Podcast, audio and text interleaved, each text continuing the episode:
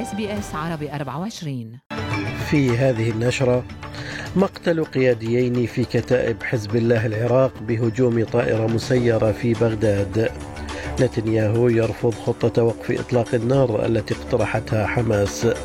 وحريق غابات خارج عن السيطرة يهدد الضواحي الشمالية الشرقية لبيرث.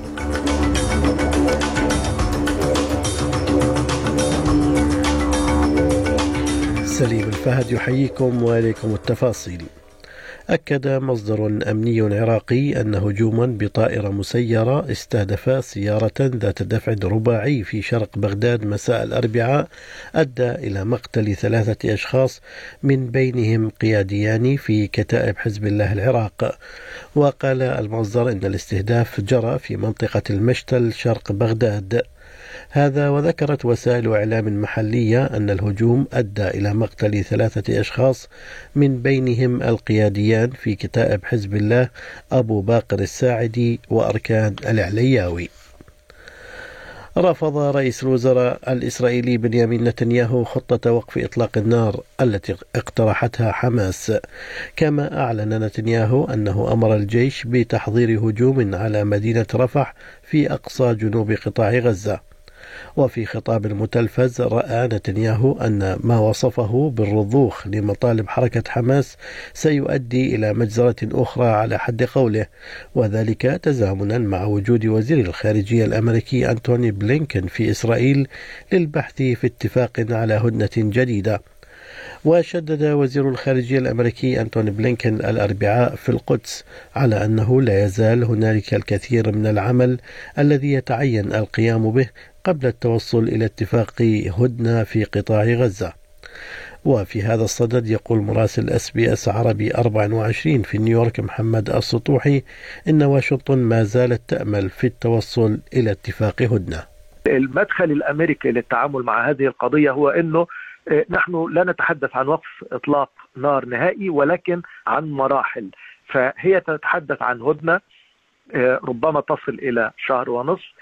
ثم تعقبها مرحلة ثانية أو مرحلة ثالثة على حسب الظروف والتطورات وإنه هذه الهدنة القصيرة تعطي لكل الأطراف الفرصة لالتقاط الأنفاس تحسين الأوضاع الإنسانية والمهم بالنسبة لواشنطن أيضا التفاوض بشأن ما يليها. هذا وتستضيف القاهرة اليوم الخميس جولة جديدة من المفاوضات برعاية مصرية قطرية من أجل تهدئة الأوضاع في قطاع غزة. بحسب ما قال مسؤول مصري لوكالة فرانس بريس من جانبه قال الأمين العام للأمم المتحدة أنطونيو غوتريش إن مجلس الأمن الدولي منقسم على نفسه فيما يخص الحرب في غزة. Governments are ignoring and undermining the very tenets of multilateralism with zero accountability. The United Nations Security Council, the primary platform for questions of global peace, is deadlocked by geopolitical fissures. This is not the first time the Council has been divided, but it is the worst. Today's dysfunction is deeper and more dangerous. في غضون ذلك أعلن الجيش الإسرائيلي أن 31 رهينة من الرهائن المتبقين في غزة لقوا حتفهم. وقال المتحدث باسم الجيش دانيال هاجاري في مؤتمر صحفي إن الجيش كان على اتصال بعائلات القتلى المؤكدين وأضاف أنه تم تزويد عائلات الرهائن المتبقين بمعلومات حول ظروفهم. The Israeli army is supporting the families of the hostages in these complex and difficult days, and our representatives delivered to the families all the authenticated information about their loved ones. We are continuing the fight to reach the terms and have all the hostages return home. This is a moral obligation, national obligation, and international obligation, and this is our compass, and this is how we will continue operating. في غضون ذلك قالت وكالة الأمم المتحدة للاجئين الفلسطينيين الأونروا إنها تتوقع أن تعيد الدول التي علقت تمويلها النظر في ذلك بمجرد صدور تقرير أولي حول الادعاءات الإسرائيلية. واتهمت إسرائيل 12 موظفا من موظفي الأونروا البالغ عددهم 13 ألف موظف في غزة بالمشاركة في هجمات حماس ضد إسرائيل في السابع من تشرين أول أكتوبر. وتقوم لجنة الرقابة التابعة للأمم المتحدة بالتحقيق بشكل عاجل في هذه المزاعم. هذا وتقول ممثلة الأونروا في لبنان دورثي كلاوس إن التقرير المؤقت سيكون جاهزا في غضون أسابيع. وأضافت أنه إذا لم تتم استعادة التمويل فإن الفلسطينيين سيعانون ليس في غزة فقط ولكن في جميع أنحاء الشرق الأوسط. In case. Funding does not resume, 250,000 Palestinians here in Lebanon will be affected. Affected will be 40,000 children that go to UNRWA's schools, 200,000 patients that come to our primary health care clinics, 50,000 patients that require critical hospital support every year. All of this would be in peril. في محلياتنا يهدد حريق غابات خارج عن السيطرة المنازل والأرواح في الضواحي الشمالية الشرقية لمدينة بيرث. كما أصدرت السلطات تحذيرا طارئا لجزء من بولسبروك على بعد حوالي 35 كيلومترا من وسط المدينة. وتقول السلطات أن السكان في خطر ويتعين عليهم التحرك على فور.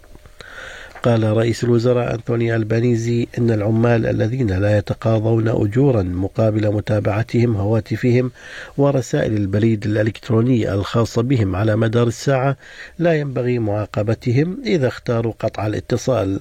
وقدمت الحكومة أمس مجموعة من التغييرات في أماكن العمل إلى البرلمان تهدف إلى تحسين الأجور وظروف العمل والقضاء على الاستغلال.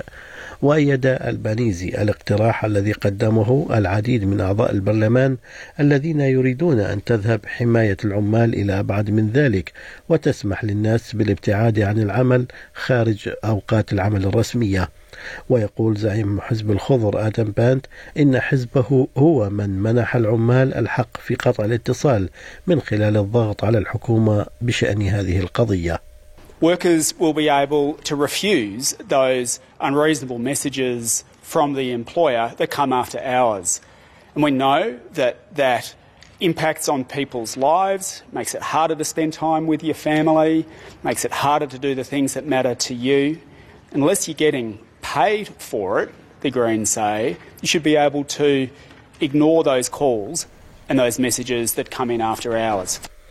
أشار تقرير جديد أصدره الرئيس السابق لمفوضية المنافسة وحماية المستهلك الأسترالية إلى أن ممارسات التسعير غير العادلة ساهمت في ارتفاع التضخم وفي التقرير الذي أعده البروفيسور ألان فيلس بتكليف من المجلس الأسترالي لنقابات العمال قال فيه أن دور المصالح التجارية في دفع في دفع التضخم قد تم التغاضي عنه وأضاف أنه في حين أن جائحة كوفيد 19 قد فرضت ضغوطا على سلاسل التوريد إلا أنه يجب معالجة الأسعار وتحديدها وهوامش الربح فيما يتعلق بالتضخم بشكل صحيح. The actual setting of prices by business has added quite a lot to inflation and that's often disregarded. Other things are blamed, monetary policy, war, etc.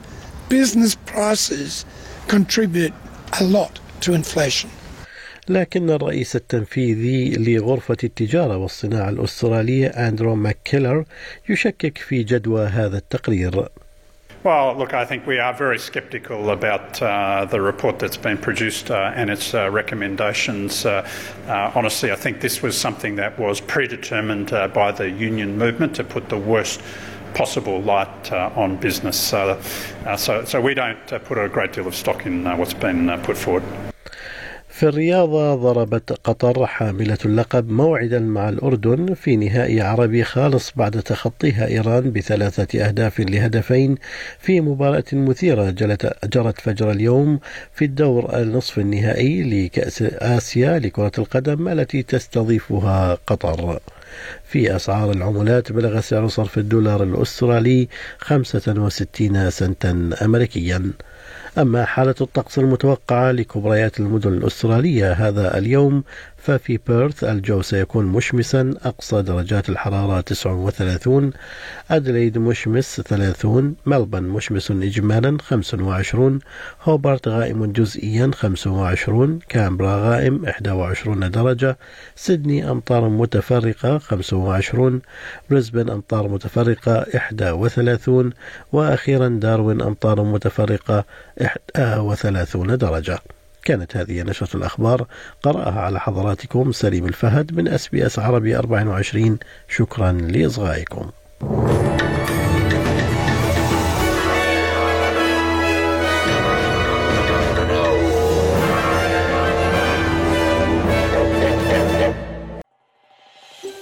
هل تريدون الاستماع إلى المزيد من هذه القصص؟